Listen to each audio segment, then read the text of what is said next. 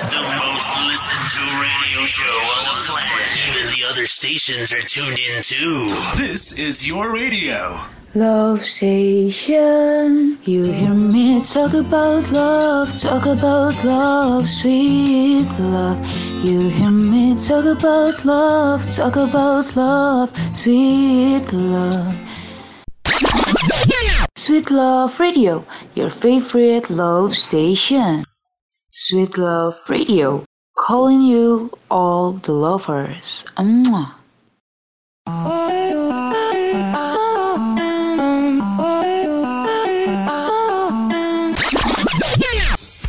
Love Station, Love and Sensation. Just in Love Station. Talk about love and all the sensations. Lovers. Mwah. 105,6 FM Sweet Love Radio. Siaran praktikum komunikasi sekelompok vokasi PW University. Halo, sobat lovers Bersama aku Lucy di Sweet Love Radio Dalam program Love Session. Love and Sensation. Yuk Nah, apa kabarnya sobat lovers?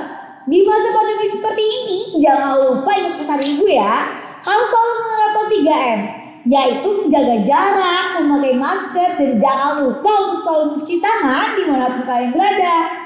Aku berharap kalian semua selalu dalam keadaan sehat ya. Sobat lovers, aktivitas kalian di rumah selama ini ngapain aja sih? Pasti kalian boring kan? Cuma rebahan di rumah seharian? Tapi tenang-tenang.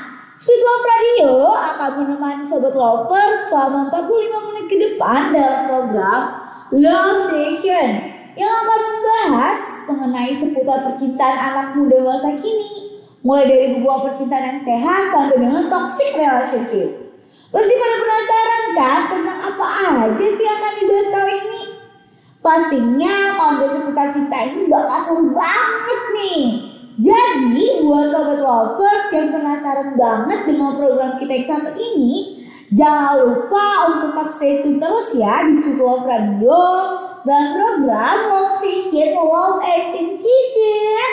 Yuk, muah. 105,6 FM Sweet Love Radio. Siaran praktikum komunikasi sekolah vokasi University.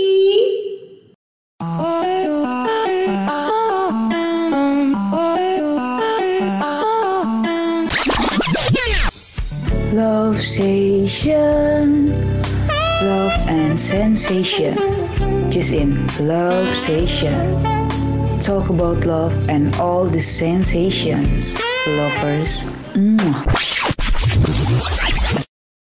105,6 FM Sweet Love Radio Siaran praktikum komunikasi Sekolah Vokasi PB University Balik lagi di program Station Love and Sensation Yuhu.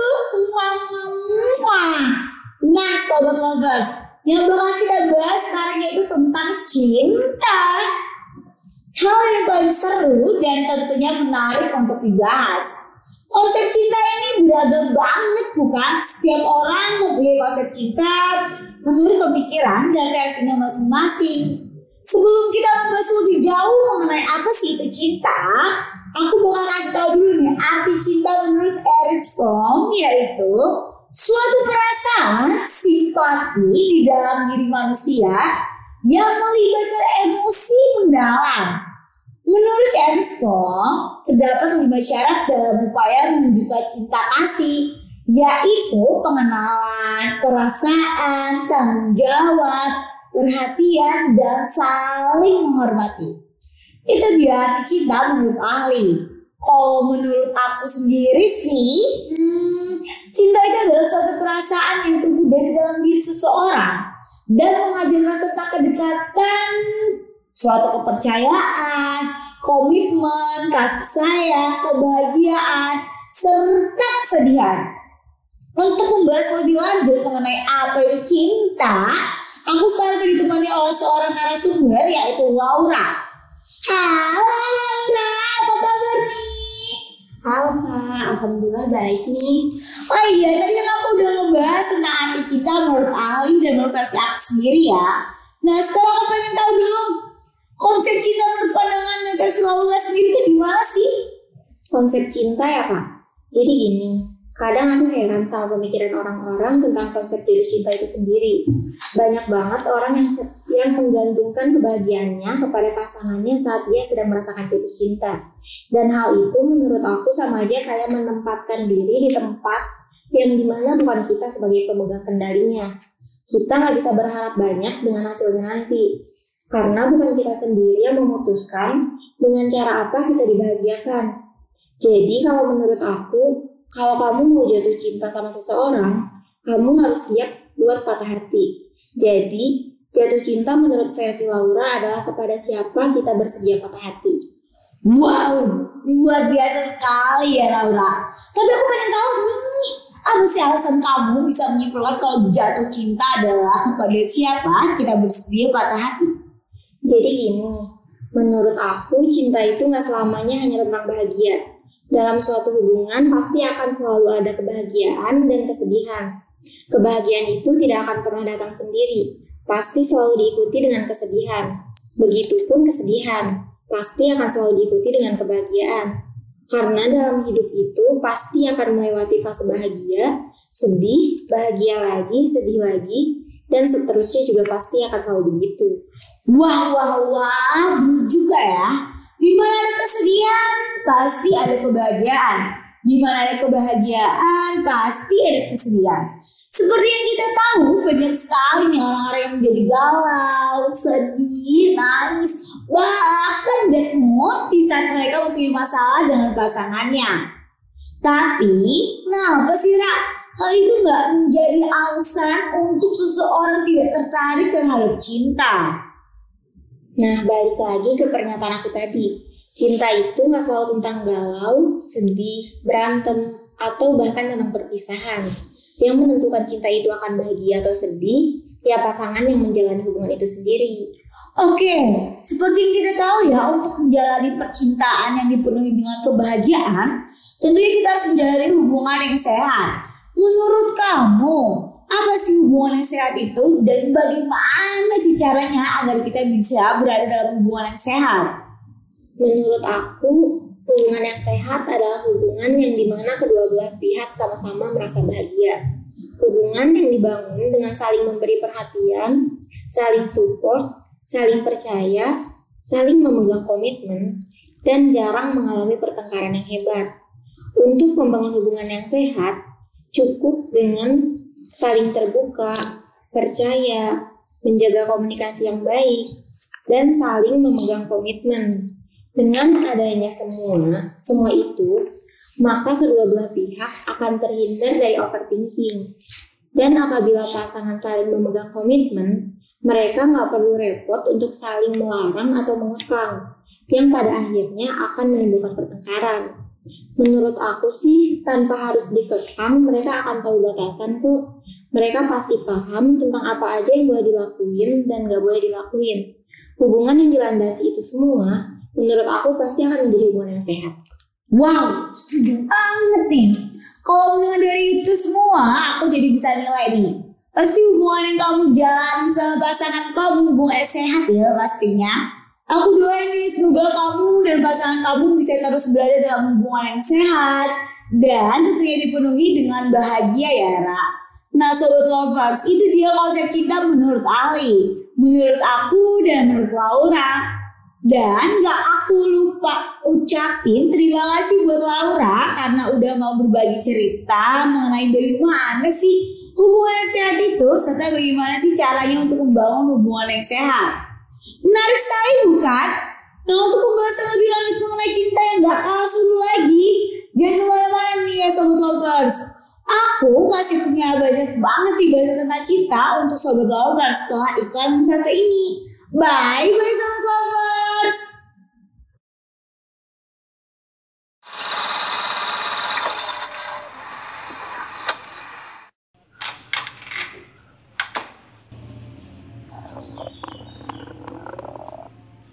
Duh, lapar lagi. Mau makan ah.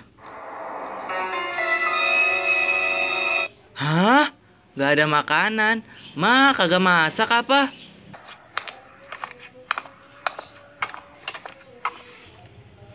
Ngapa sih Rip? Mak lagi puyeng, Ge. Terus Arif makan apa?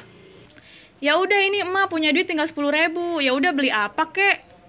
Lah, sepuluh ribu. Dapat apaan? Ya udah beli apaan kek? Terserah lu.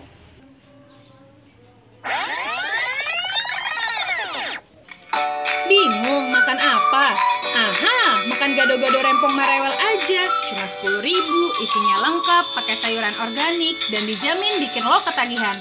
Kalau ingin pesan, silakan hubungi 0812 2714 3332 atau follow di Instagram @gado rempong mak rewel.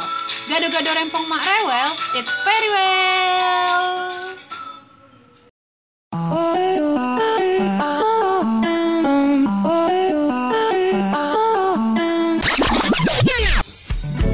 station, love and sensation. Just in love station. Talk about love and all the sensations. Lovers. Mwah. 105,6 FM Sweet Love Radio Siaran praktikum komunikasi sekolah vokasi PB University Nah, Sobat Lovers, balik lagi sama aku Lucy di program Love Station Love and Sensation Yuhu, Mwah. Oke Sobat Lovers, sekarang kita akan pindah menuju topik pembahasan yang kedua. Topik kali ini masih seputar percintaan.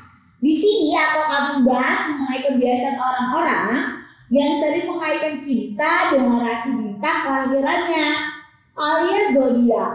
Banyak banget nih sobat lovers, anak muda zaman sekarang yang percaya kalau kecocokan pasangan itu bisa dilihat dari sisi astrologi.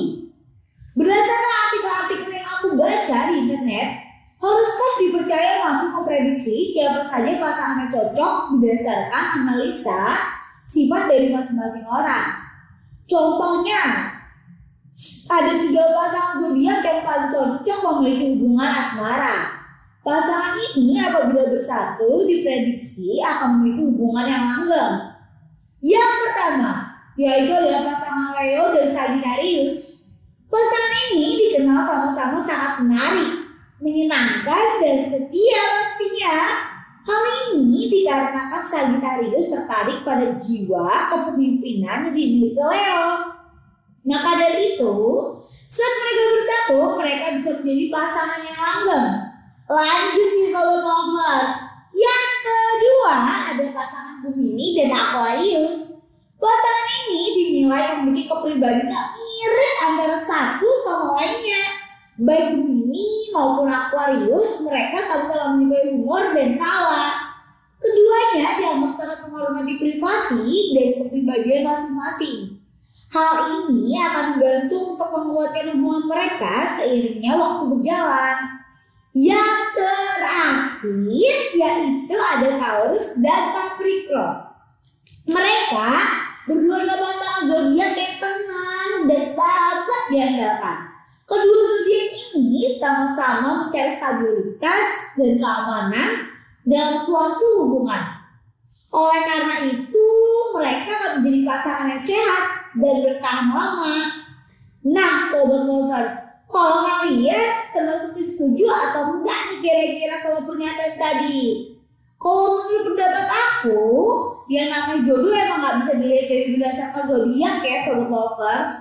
Eh, tapi bentar deh. Kayaknya sih nggak ada salahnya juga kan untuk memprediksi siapa saja yang mungkin bisa jadi pasangan kita berdasarkan cocokologi zodiak. Anyway, sobat lovers, di sini udah ada Caca. Salah satu temanku yang akan kita tanya-tanya sedikit mengenai pembahasan topik kali ini. Kita undang aja yuk. Halo Caca, apa kabar? Hai Lucy, kabar baik. Oke Caca, langsung aja ya pertanyaannya ya. Hmm, Boleh, boleh, boleh. menurut pendapat kamu, kamu sih percaya nggak sih kalau kecocokan kita sama pasangan itu bisa dilihat dari bintang atau rasi bintangnya masing-masing? Em, kalau menurut aku sendiri sih, aku percaya-percaya aja. Walaupun emang sebenarnya nggak 100% hal-hal kayak gitu bisa benar semua ya. Wah menarik nih. Kalau boleh tahu apa tuh alasannya Cak? Sebenarnya aku sendiri emang tertarik sih sama hal-hal yang berbau horoskop. Terus kalau dilihat dari pengalaman pribadi juga, aku emang suka dan sering cocokologi sifat pasangan aku berdasarkan zodiaknya. Dari hasil itu aku jadi lebih tahu aja sih karakter dia itu kira-kira kayak gimana kalau menjalin hubungan sama aku. Jadi kayak lebih buat pandangan aku sendiri gitu. Oke oke oke oke. By the way, Cak, jadi kamu sendiri apa sih? Em, kasih tahu nggak ya? Zodiakku pokoknya identik sama lambang kembar. Pasti tahu kan? Wow, jelas. Aku tahu banget. Cara dia mengaku zodiak aku juga sih. Udah pasti berdiri 100% kak. Betul betul betul. Oke Cak, sekarang aku mau nanya lagi nih berdasarkan pengalaman kamu. Kira-kira Gemini itu cocoknya sama zodiak apa sih? Waduh, berat juga nih. Oke deh, aku coba jawab ya. Kalau menurut aku pribadi, Gemini itu kan terkenal banget sama seseorang yang punya dua sisi kepribadian atau dua karakter yang disatukan dalam satu tubuh ya. Nah, dua sisi di sini bisa diibaratkan kayak lebih punya kemampuan untuk bisa menyesuaikan diri di mana aja dan dalam kondisi apa pun. Selain itu, Gemini juga dikenal gampang buat bersosialisasi sama lingkungan sekitarnya. Dan yang paling penting, menurut pandanganku Gemini itu orang yang humoris. Jadi kalau ditanya zodiak apa sih yang cocok sama Gemini, sebenarnya aku setuju sama apa yang tadi udah kamu bacain sebelumnya. Gemini dan Aquarius itu emang bisa punya hubungan yang bertahan lama. Karena antara Gemini sama Aquarius itu emang benar punya kepribadian yang mirip-mirip sih kalau dilihat-lihat. Nah, menurutku poin plus dari situ mereka jadi bisa lebih pengertian sama karakter pasangan masing-masing. Ya bisa dibilang kalau kedua zodiak ini membangun hubungan bisa klop lah ya. Tapi emang sih nggak benar-benar 100% apa yang dibilang tentang kecocokan pasangan menurut zodiak itu pasti benar ya. Ada yang mirip sama karakter pasangan kalian, tapi ada juga yang beda. Namanya juga kan ramalan. Jadi balik lagi ke diri kalian sendiri masing-masing nih teman-teman. Mau percaya atau enggaknya sama hal-hal yang kayak gitu. Wow, sobat lovers. Aku sih setuju banget nih sama Caca. Karena kayak apa yang tadi aku bilang sebelumnya, pada akhirnya kembali lagi ke diri kalian masing-masing. Mau percaya atau enggak sama ramalan berbau zodiak? Gitu deh. Oke Lica, thank you banget nih udah mau sharing pendapat yang mengenai topik kita kali ini. Oke sobat lovers, jangan rasa kita udah mau pindah topik di segmen selanjutnya. Buat kalian yang penasaran topik apa sih yang akan dibahas? So stay tune terus ya sama aku Lucy di program Love Station. Love and Sensation. Yuk.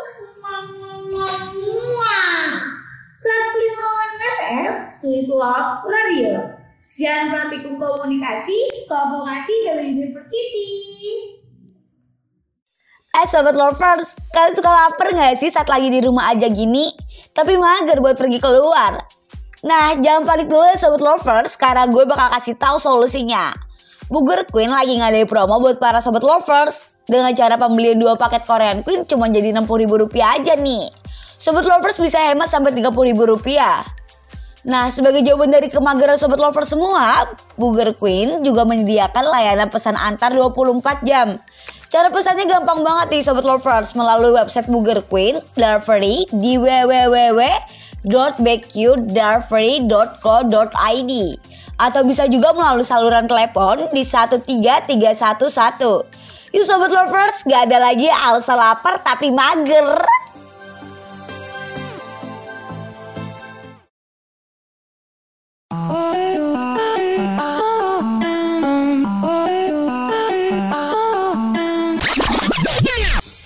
Love Station, Love and Sensation. Just in Love Station. Talk about love and all the sensations. Lovers. 105,6 FM Siaran Praktikum Komunikasi Sekolah Vokasi PB University. Halo sahabat lovers. Masih bersama Lucy di sini di Sweet Love Radio. Dalam program Love Station Love and Sensation. Yuhu. Oke sahabat lovers. Tadi kan kita udah membahas tentang healthy relationship.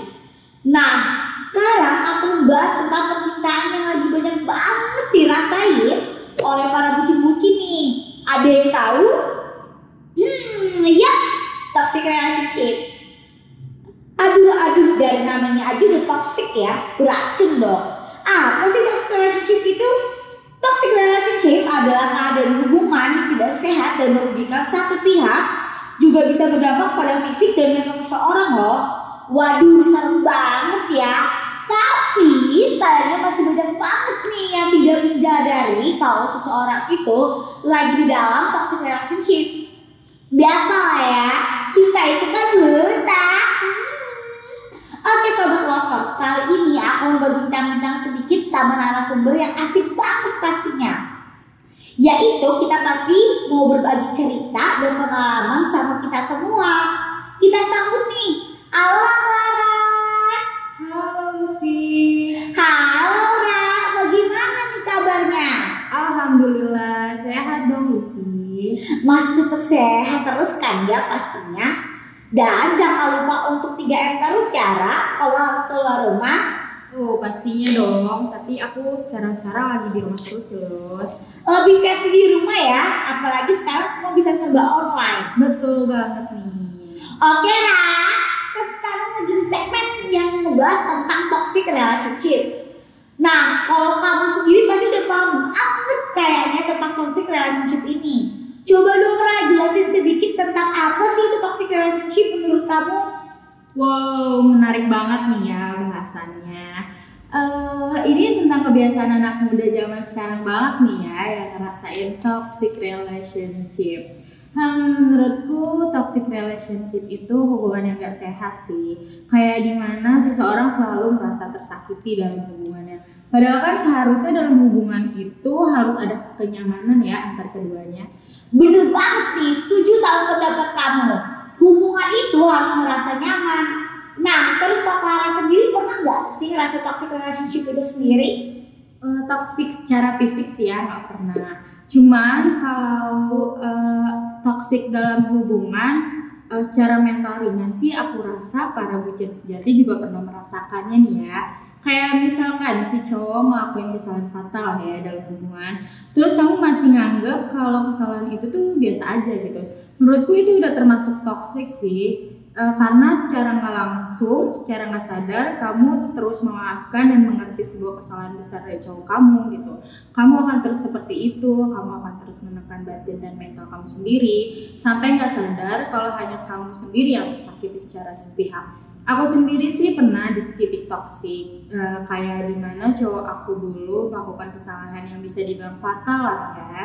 Terus aku tetap memahami dan memaafkan itu semua. Dan aku juga masih memandang cowok aku sebagai sosok yang seseorang yang sempurna yang gak pernah melakukan hal tersebut. Sampai pada akhirnya malah aku yang ditinggal. But I still love him sih. Waduh, pasti sakit banget ya di posisi itu. Oke, terus bagaimana sih cara kamu keluar dari toxic relationship itu sendiri, Ra? Eh, caranya. Eh, caranya sih cuman sadar ya kayak kamu harus lebih aware aja gitu sama diri kamu sendiri kebahagiaan kamu hidup kamu orang-orang sekitar kamu. Itu semua tuh masih ada kalau kamu cuma kehilangan satu orang yang ninggalin kamu. Apalagi kalau kamu udah bersikap baik selama menjalin hubungan aku yakin banget sih kamu bakal lebih bahagia daripada tinggal Setuju banget nih. Dengar tuh ya sobat lovers, jangan pernah bosen jadi orang baik. Karena kalian bakal dapet kebahagiaan yang lebih baik. Di sini siapa yang mau bahagia? Biasa jomblo-jomblo sih ya yang pada mau bahagia. Hmm, canda sobat lovers. Oke, pesan dari Clara nih buat yang lagi ngalamin toxic relationship itu sendiri apa sih? Eh, pesan aku, pesan aku sih hmm, apa ya? Ini menurut pengalaman yang aku udah rasain aja kali ya. Kayak kalian harus sayang dulu sama diri kalian sendiri. Terus juga kalian harus sering-sering deep talking about perasaan kalian berdua. Jadi kalian tuh harus tahu gitu tujuan dari bangun hubungan kalian tuh apa. Terus kalian berdua tuh udah ngerasa bahagia apa belum. Kayak lebih terbuka satu sama lain tentang apa yang kalian rasain aja sih. Dan yang penting banget nih, kalau kalian udah merasa sakit secara sepihak, jadi eh, sakitnya sendiri gitu ya, dan berlangsung dalam waktu yang cukup lama, kayaknya udah deh, eh, jangan buang-buang waktu untuk hal yang nggak penting. Karena kalau kamu udah ngerasain sakit di waktu yang cukup lama, itu kan artinya kamu udah mencoba bertahan dan mempertahankan hubungan kamu selama itu. Itu menurut aku sudah cukup membuktikan kesetiaan kamu dalam hubungan sih. Aku kayak pernah eh, ngedengar di suatu podcast kurang lebih isinya kayak gini. Kita terlalu takut dia kenapa-napa sampai kita nggak sadar selama kita menyayangi banyak kenapa-kenapa yang terjadi di dunia kita. Tapi kita nggak pernah sadar dan nggak pernah kita anggap kita selalu jaga perasaannya sampai kita lupa ada perasaan yang lebih penting. Perasaan yang bisa diselamatin dengan cara memilih pergi.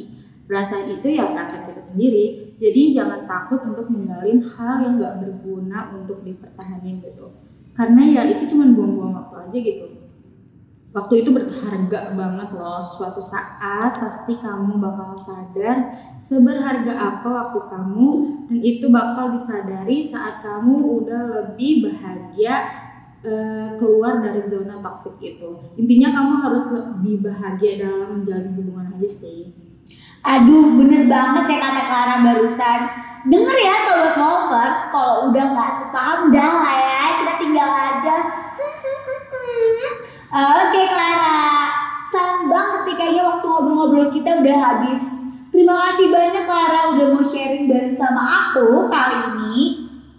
Eh, sama-sama Lucy Oke Clara dan sobat lovers, jangan lupa jaga kesehatan ya di mana pun kalian berada. Dan tetap stay di sini karena setelah ini aku mau kasih tips and trick tentang love relationship. So stay tune terus ya di Sweet Love Radio dengan aku Lucy di program Love Session, Love and Sensation. Yuhu, muah, muah, muah. Hidup saya hancur, masa depan saya juga suram. Keluarga saya jadi berantakan. Hmm, siapa lagi kalau bukan narkoba? Why people there trust me? Jauhilah narkoba jika kalian tidak ingin terjerumus dalam kegelapan. Sesungguhnya hidup kalian akan lebih tenang tanpa narkoba. Pesan layanan ini dipersembahkan oleh Sekolah Vokasi PB University bekerja sama dengan Sweet Love Radio.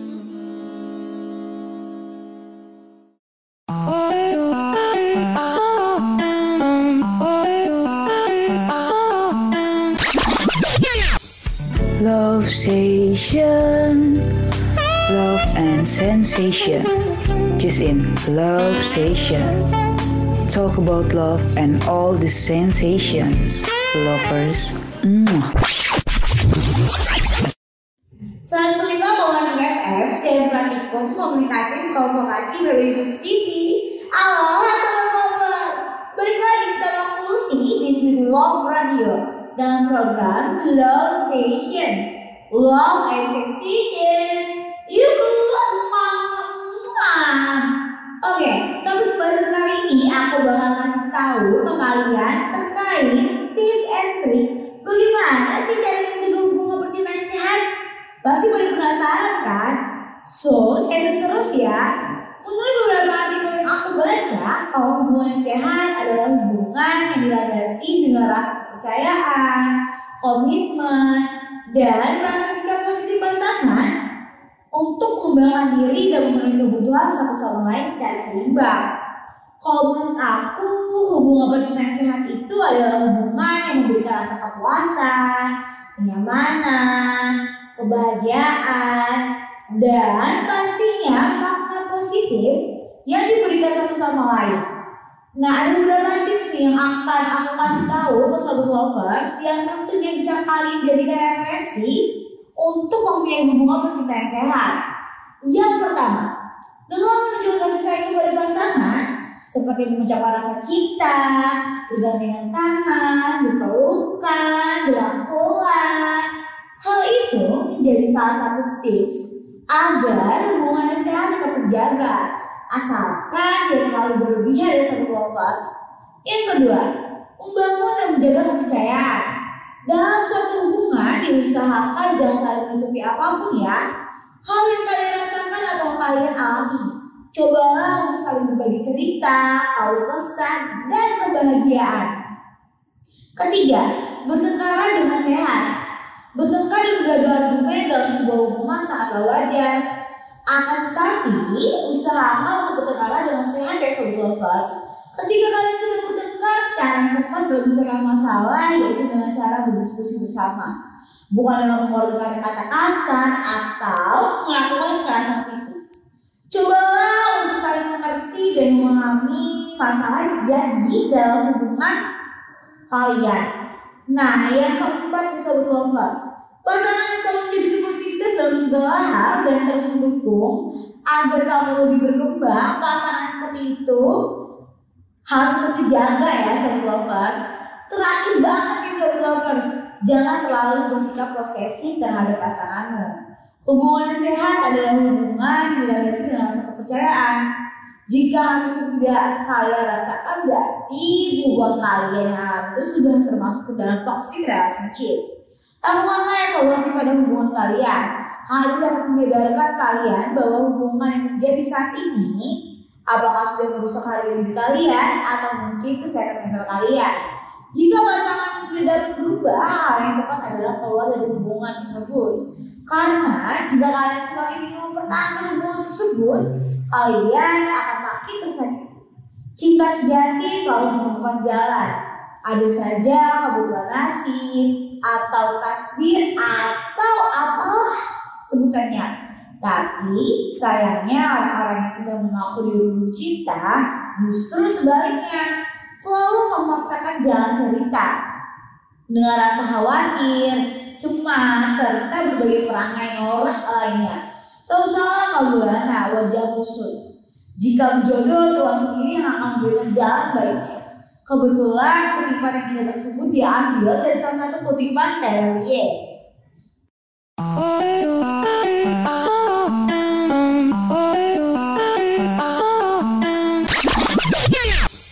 Love station, love and sensation. Just in love station. Talk about love and all the sensations. Lovers. Mwah.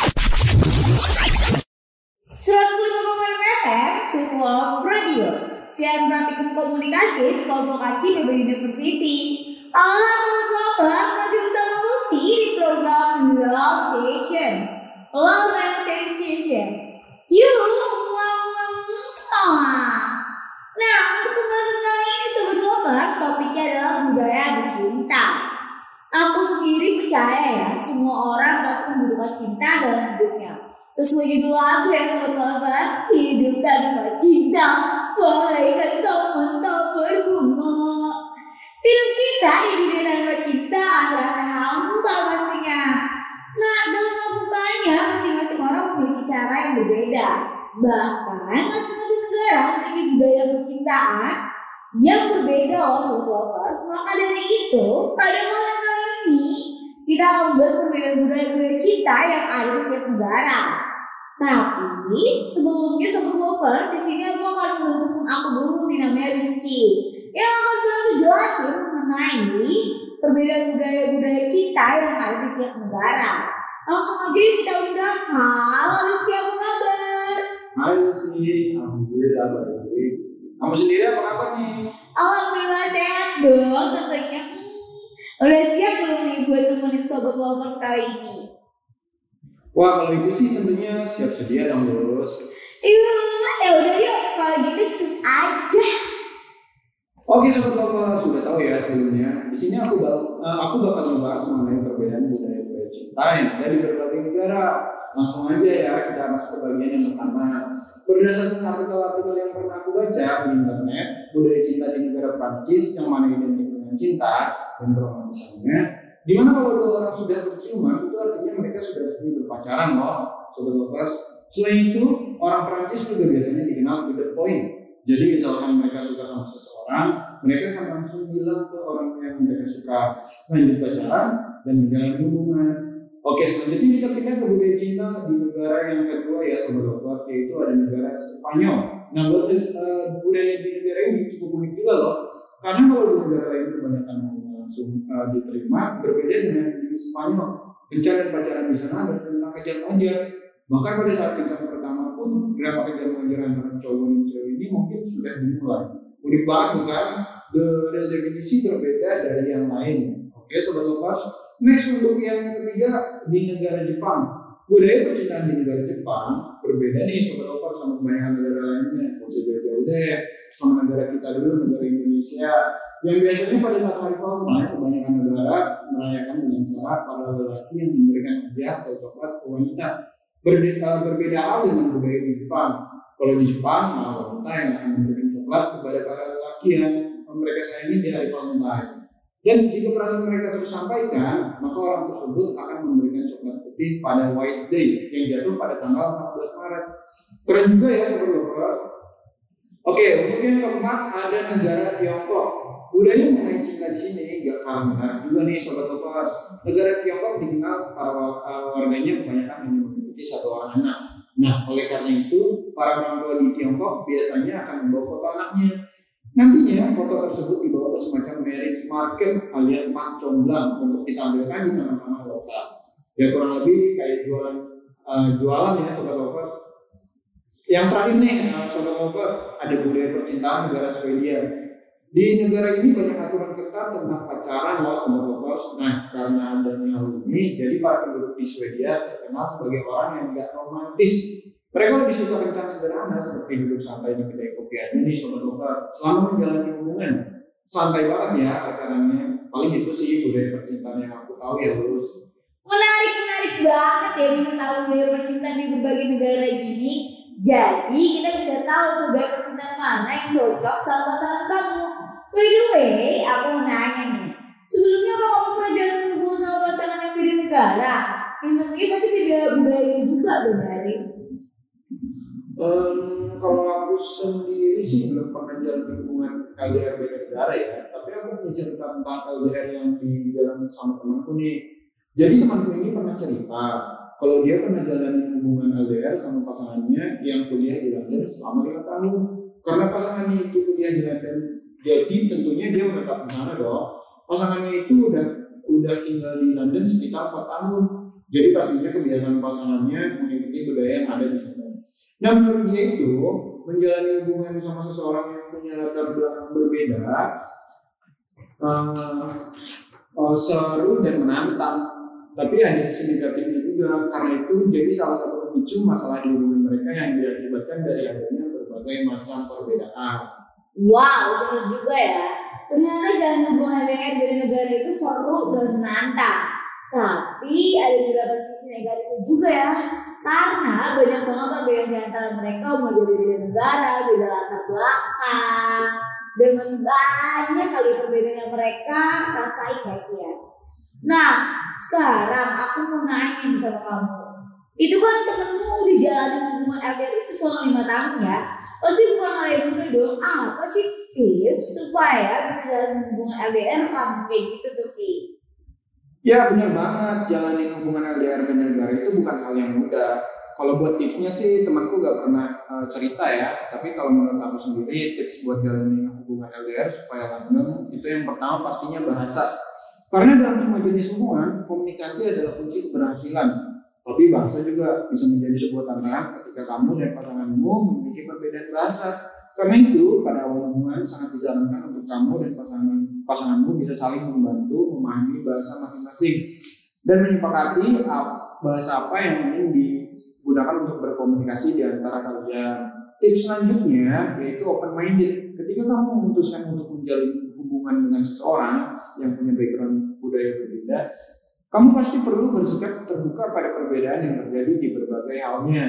Karena kalau perbedaan ini nggak diatasi dengan baik, pasti akan menjadi bibit pertengkaran yang berbahaya untuk hubunganmu. Untuk mencegah pertengkaran yang terjadi, kamu harus bisa belajar mentoleransi semua perbedaan itu. Tips yang terakhir yaitu mengusir pemikiran yang negatif. Kalau kamu kalau uh, kamu udah memutuskan mau menjalani hubungan dengan seseorang yang memiliki latar belakang budaya yang berbeda, kamu harus banyak-banyak mengusir pemikiran negatif antara satu sama lainnya.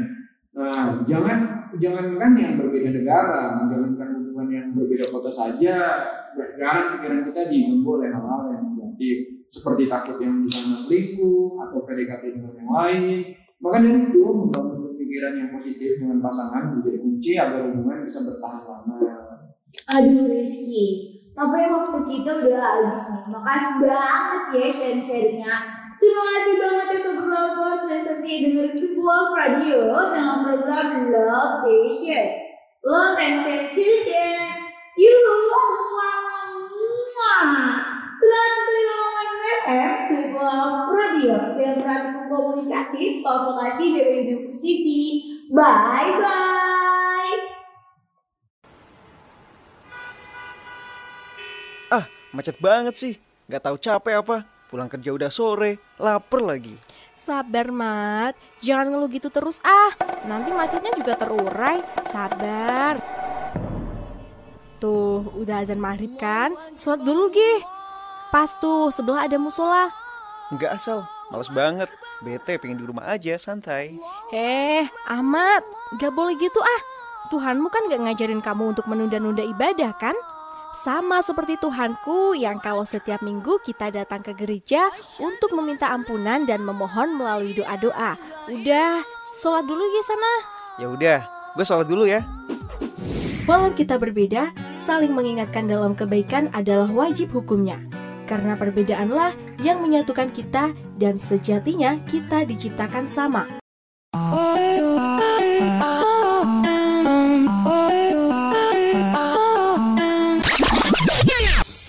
Love Station, love and sensation. Just in Love Station. Talk about love and all the sensations. Lovers. Mwah. 105,6 FM Sweet Love Radio Siang Praktikum Komunikasi Sekolah Vokasi PB University Oke deh Sobat Lovers, nggak kerasa ya udah nemenin kalian selama 45 menit Semoga tapi cerita cinta kali ini menghibur kalian semua ya. Sekarang saatnya aku pamit untuk diri dulu nih Sampai jumpa di lain waktu ya Sobat Lovers. Jangan lupa untuk tetap jaga kesehatan and see you. Mwah, mwah. 105,6 FM Love Radio. Siap Praktikum Komunikasi Sekolah Vokasi University